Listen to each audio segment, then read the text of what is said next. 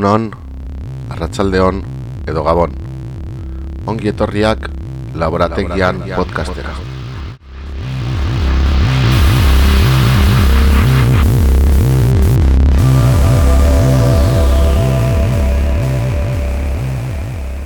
Software librea, teknopolitika eta pribatutasuna.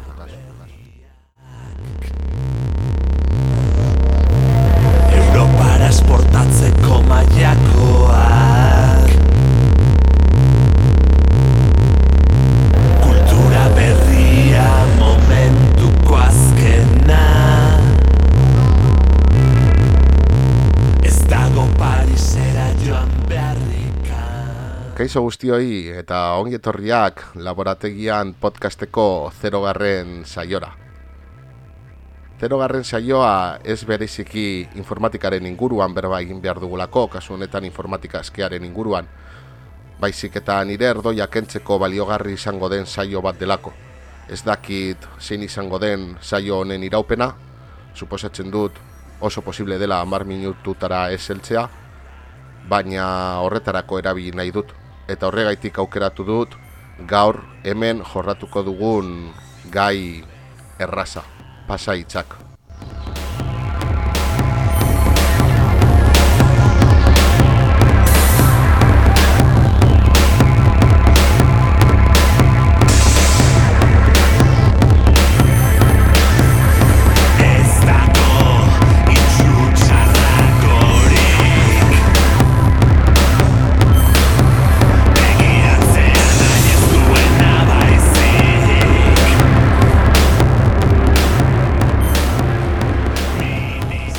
Tira ba, lagunok, guazen arira. Gaur egun mundu digitalean ezinbestekoak diren erraminta batzuen inguruan berba egin nahi dizuet. Pasaitzak. Izan ere, azken egunotan oihartzun handiko teknologia blog desberdinak ikusi izan ditut odeian dauden pasaitz kudeatzaileak gomendatzen. Eta nire ustez, mesede gutxi egiten ari dira beraien irakurlei. Seguru baitnago, beraien etxeko giltza ez lioketela beraien auzokidei emango, eta etxera sartu behar diren bakoitzean beraiei giltzak eskatuko. Eta niretzako behintzat ulergaitza da beste hoi hori egitea gomendatzen ibiltzea.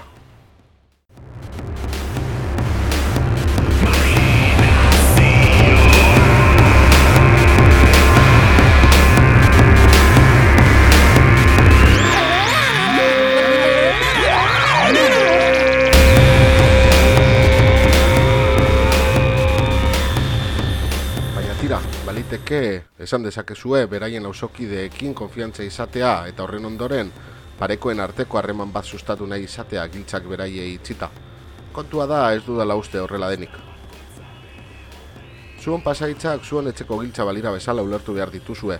Izan ere, zuon etxe digitaleko ateak irekitzeko ezinbesteko segurtasun erramintak baitira. Segurtasuna bermatzeko lehen mailakoak. Eta noski, etxeko giltzak balira bezala kudeatu beharko ditugu.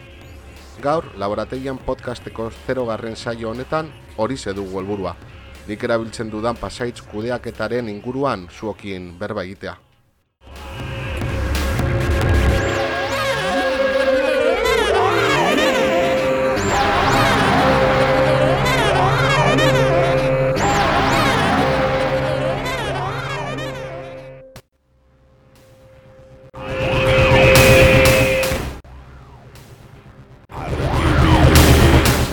Grabatzen hasi orduko galdera bat bota nuen mastodon.eu sare sozial libre banatu eta euskaldunean. Alaber, pasaitzak gordetzeko orduan, zein sistema erabiltzen zenuten. Eta hauek izan ziren zuok erantzunak. Txikilanak denak sartzen omen ditu testu dokumentu batean, eta hartut horrekin bukatzeko gehitzen zuen. Bai, egia da. Eta izan ere, bai, egia da. Okerrekok Kipas B softwarea erabiltzen duela esan zigun. Kosmonautek denak estel batean kudeatzen dituela aitortu digu, eta web batzuetan pasaitz berbera erabiltzen duela.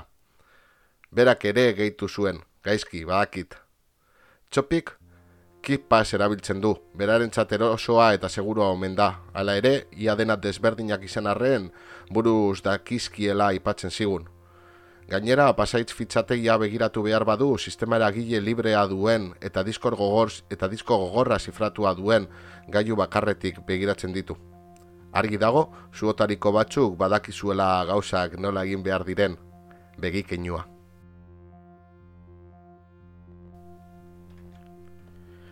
Nik neuk kipas erabiltzen dut. Nire pasaitz guztiak nirekin doaz beti. Segurtasuna bermatzen duen sistemarik onena dela uste dut software librea da, eta pasaitz fitxategia nik bakarrik kudeatzen dudan gailuetan egotea ezinbestekoa deritzot. Baina sistema osoa ezin dena saldu orduko ezinbestekoa izango da pasaitz kude- kudeatzaile bat zer den jakitea. Izan ere, zuetariko batzuek baliteke zertaz berba egiten ari garen ere ez jakitea. Pasaitz kudeatzaile bat software bat besterik ez da. Software horrekin zifratuta dagoen pasaitz datu base bat osatzeko aukera daukagu.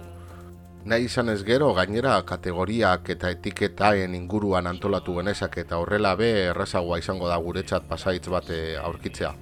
Horrela, nahikoa da pasaitz bakar bat gogoratzea. Hain zuzen ere, fitxategia deszifratzen duena. Beste pasaitz guztietara sarbidea izateko hortaz, nahikoa da pasaitz bakar bat gogoratzea. Pasaitz kudeatzaile bat erabiltzea oso lagungarria da pasaitz sendoak sortzerako orduan. Gure online munduko pasaitz guztietara sarbidea izateko, pasaitz bakarra gogoratu behar dugunez, datu base barruan sartzen ditugun pasaitzak oso sendoak izateko aukera eskintzen digu. Eta zer den niretzako pasaitz sendo bat? Amasei hogeta lau karaktere bitartez osatutako pasaitzak.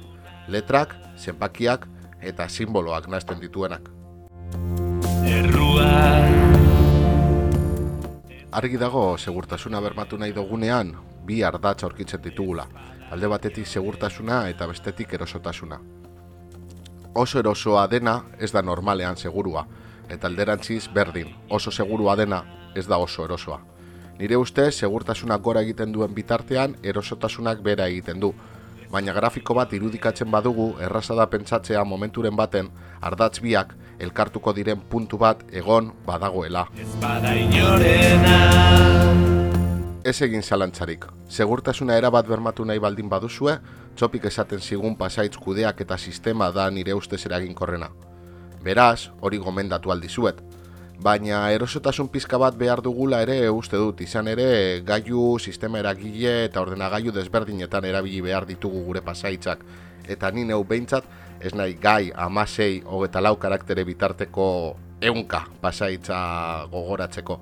Badakit sistemat daudela, baina nire ustez ez dira behintzat niretzat oso eraginkorrak.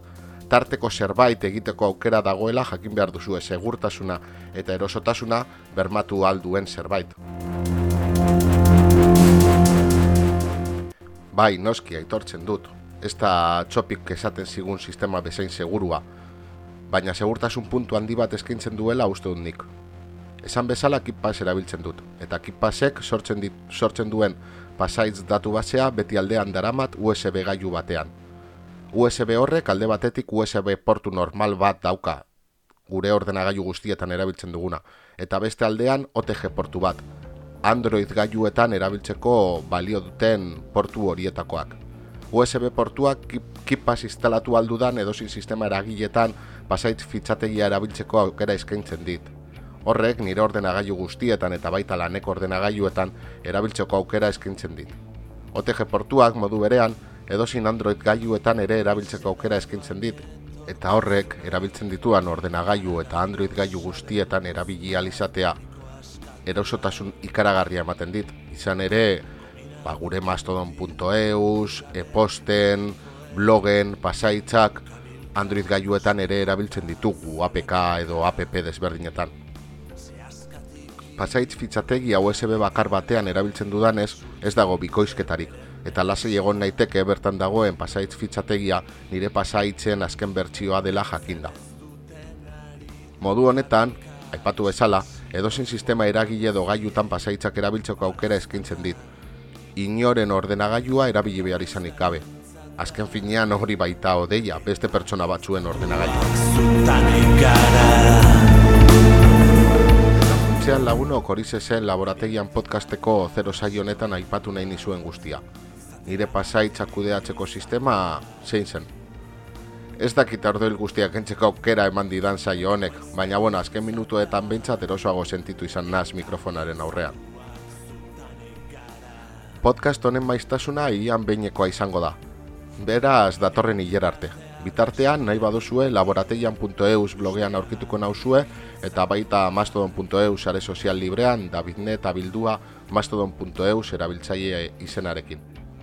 Eta joan orduko jokini okerrekori nire eskerrik beroena eskini nahi diot, izan ere podcast honet, podcast honetan entzun duzuen musika guztia berea baita, olor taldearena zehazki. Creative Commons aitortu partekatu berdin lizentzia izatea baliatu dutona ekartzeko, kultura askea dakizuen moduan ezinbestekoa baita. Disko osoa entzun nahi baduzue olor.pimienta.org webgunean sartzeko baino ez daukazue. Maiatz bukaerar arte orduan, bitartean izan gaiztoak. osoa izan dadin Beraien gidaritza makurrari aurre egiten beharko dugu ikasi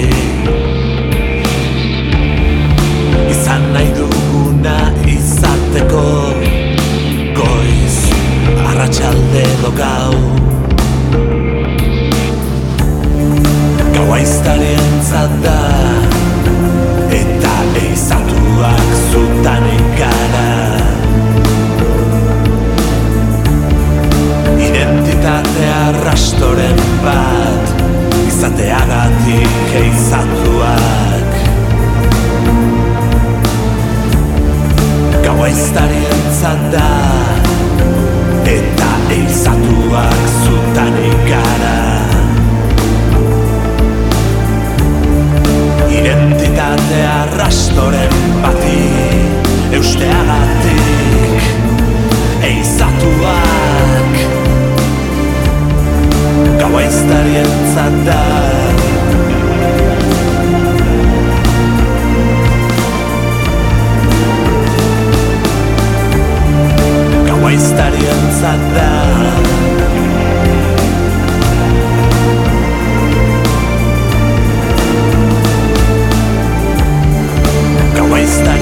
andar.